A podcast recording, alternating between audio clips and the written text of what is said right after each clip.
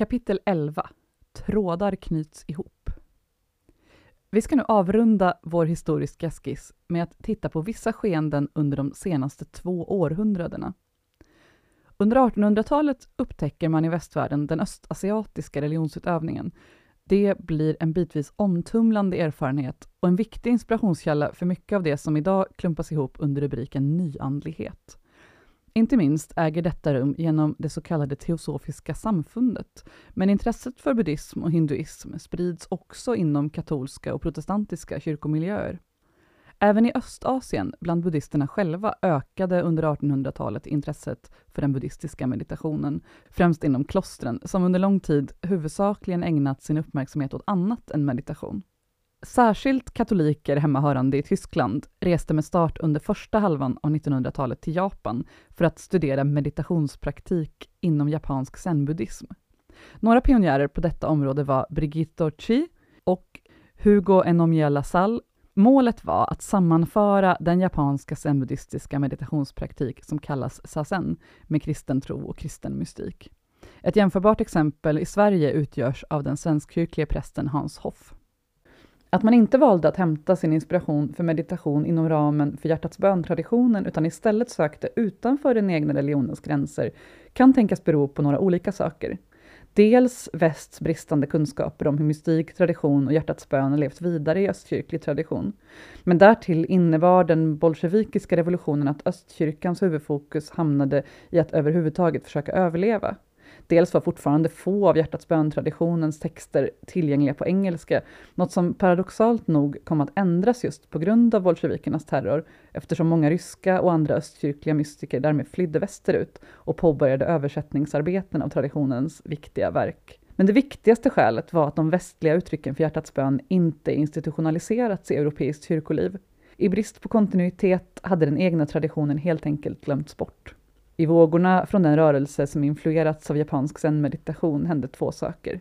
Vissa av utövarna blev allt mer buddhistiska, men för andra ledde de andliga övningarna till att man allt tydligare kunde sålla i den egna traditionen och klart urskilja dess egna skatter.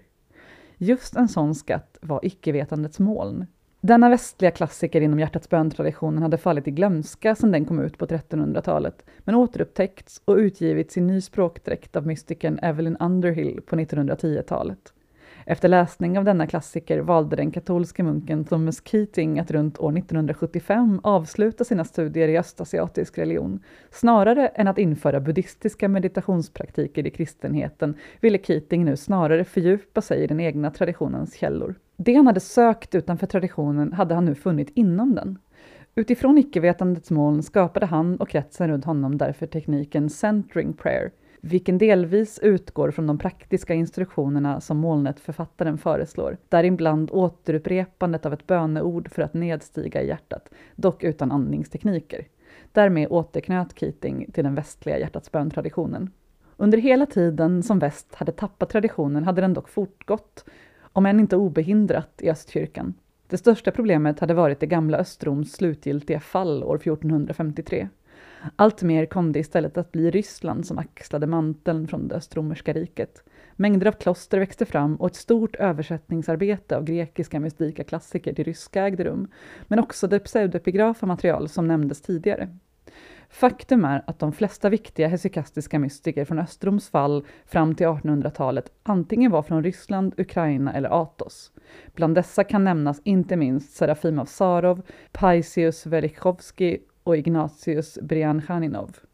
Det uttryck för Jesusbönen som många idag oftast möter populariserades under 1800-talets Ryssland där man företrädesvis valde att avsluta Jesusbönens ordalydelse med orden en syndare eller syndaren.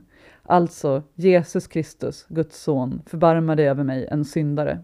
En välkänd text från den ryska traditionen är den lilla skönlitterära bok som går under namnet En rysk pilgrimsberättelse. Den handlar om en person som söker den ständiga bönen och vägleds att finna den genom studier av det ryska urvalet av filokalia, som vi nämnde tidigare, Dobrotolubje.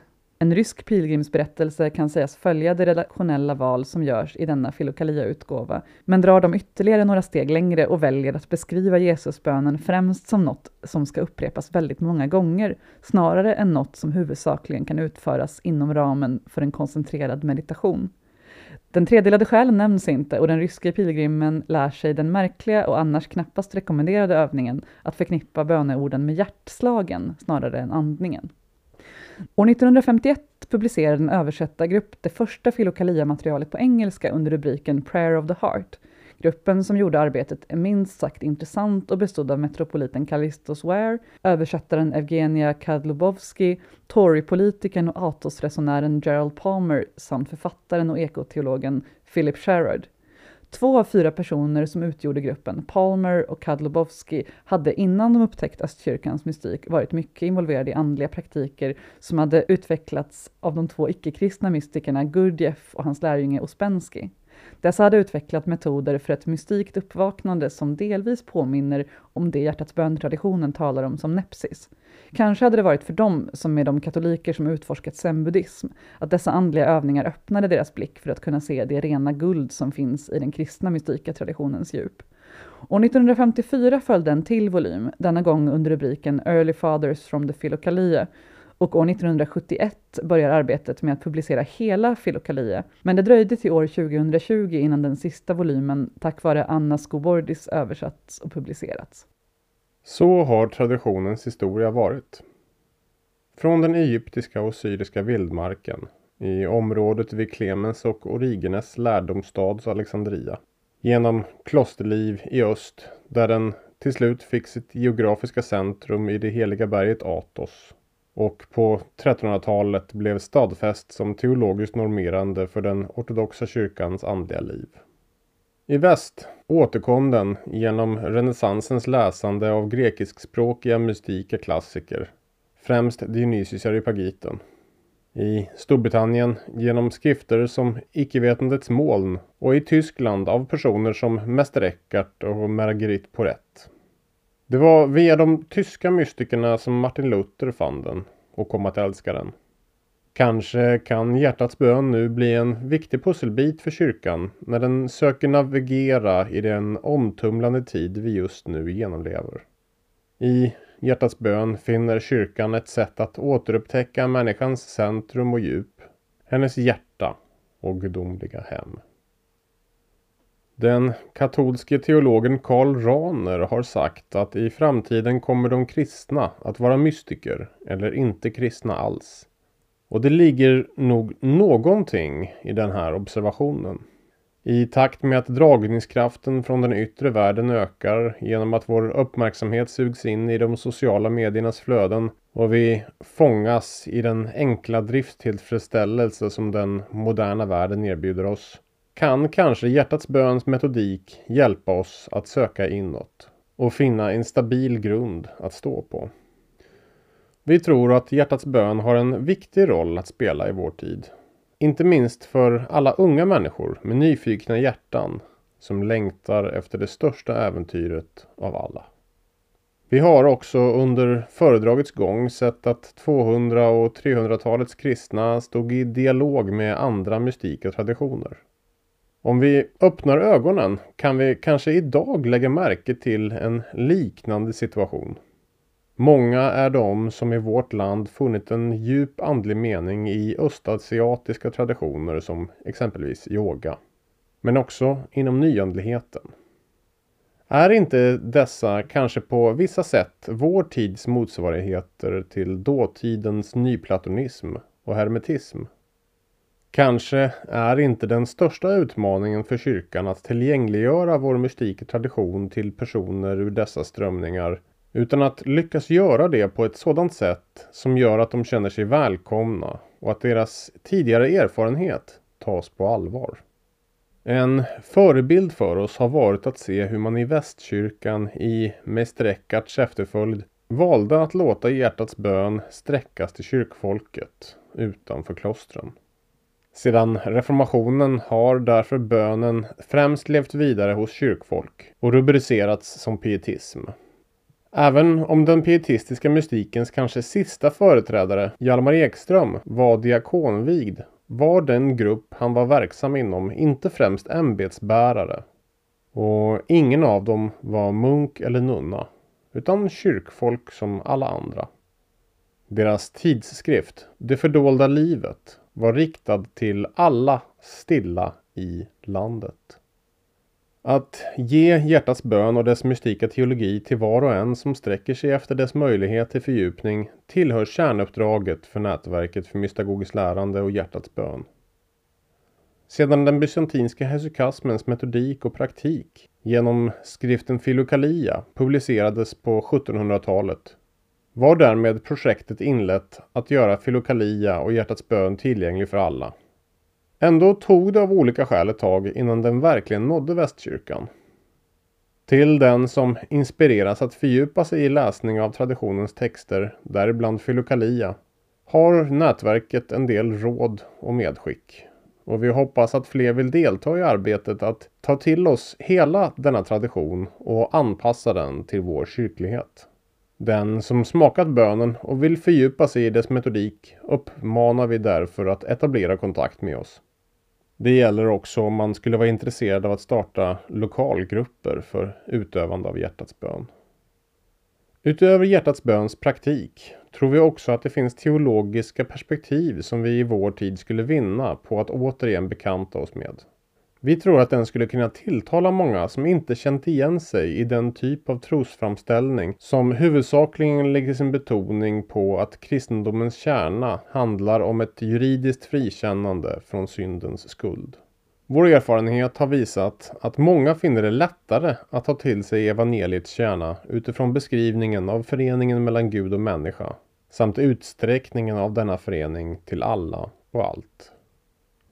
Samtidigt som vi säger det vill vi påminna oss om en mystik reflektion som Martin Luther en gång gjorde. Han hade kommit på sig själv med att jämföra sin tro med sin vän Melanchtons och kände att den tro han själv försökte formulera i sina skrifter inte alls kunde mäta sig med sin väns finess. Men efter en tid insåg han något viktigt. Även om deras respektive sätt att formulera tron skulle kunna jämföras med två olika typer av bägare. Luthers enkel utan åthävor, Melanchtons utsirad och förfinad, så var vinet som fyllde de båda bägarna ändock detsamma. Den gudomliga naturen, som redan genom tron var inneboende i dem. Och just på detta sätt är det också med oss.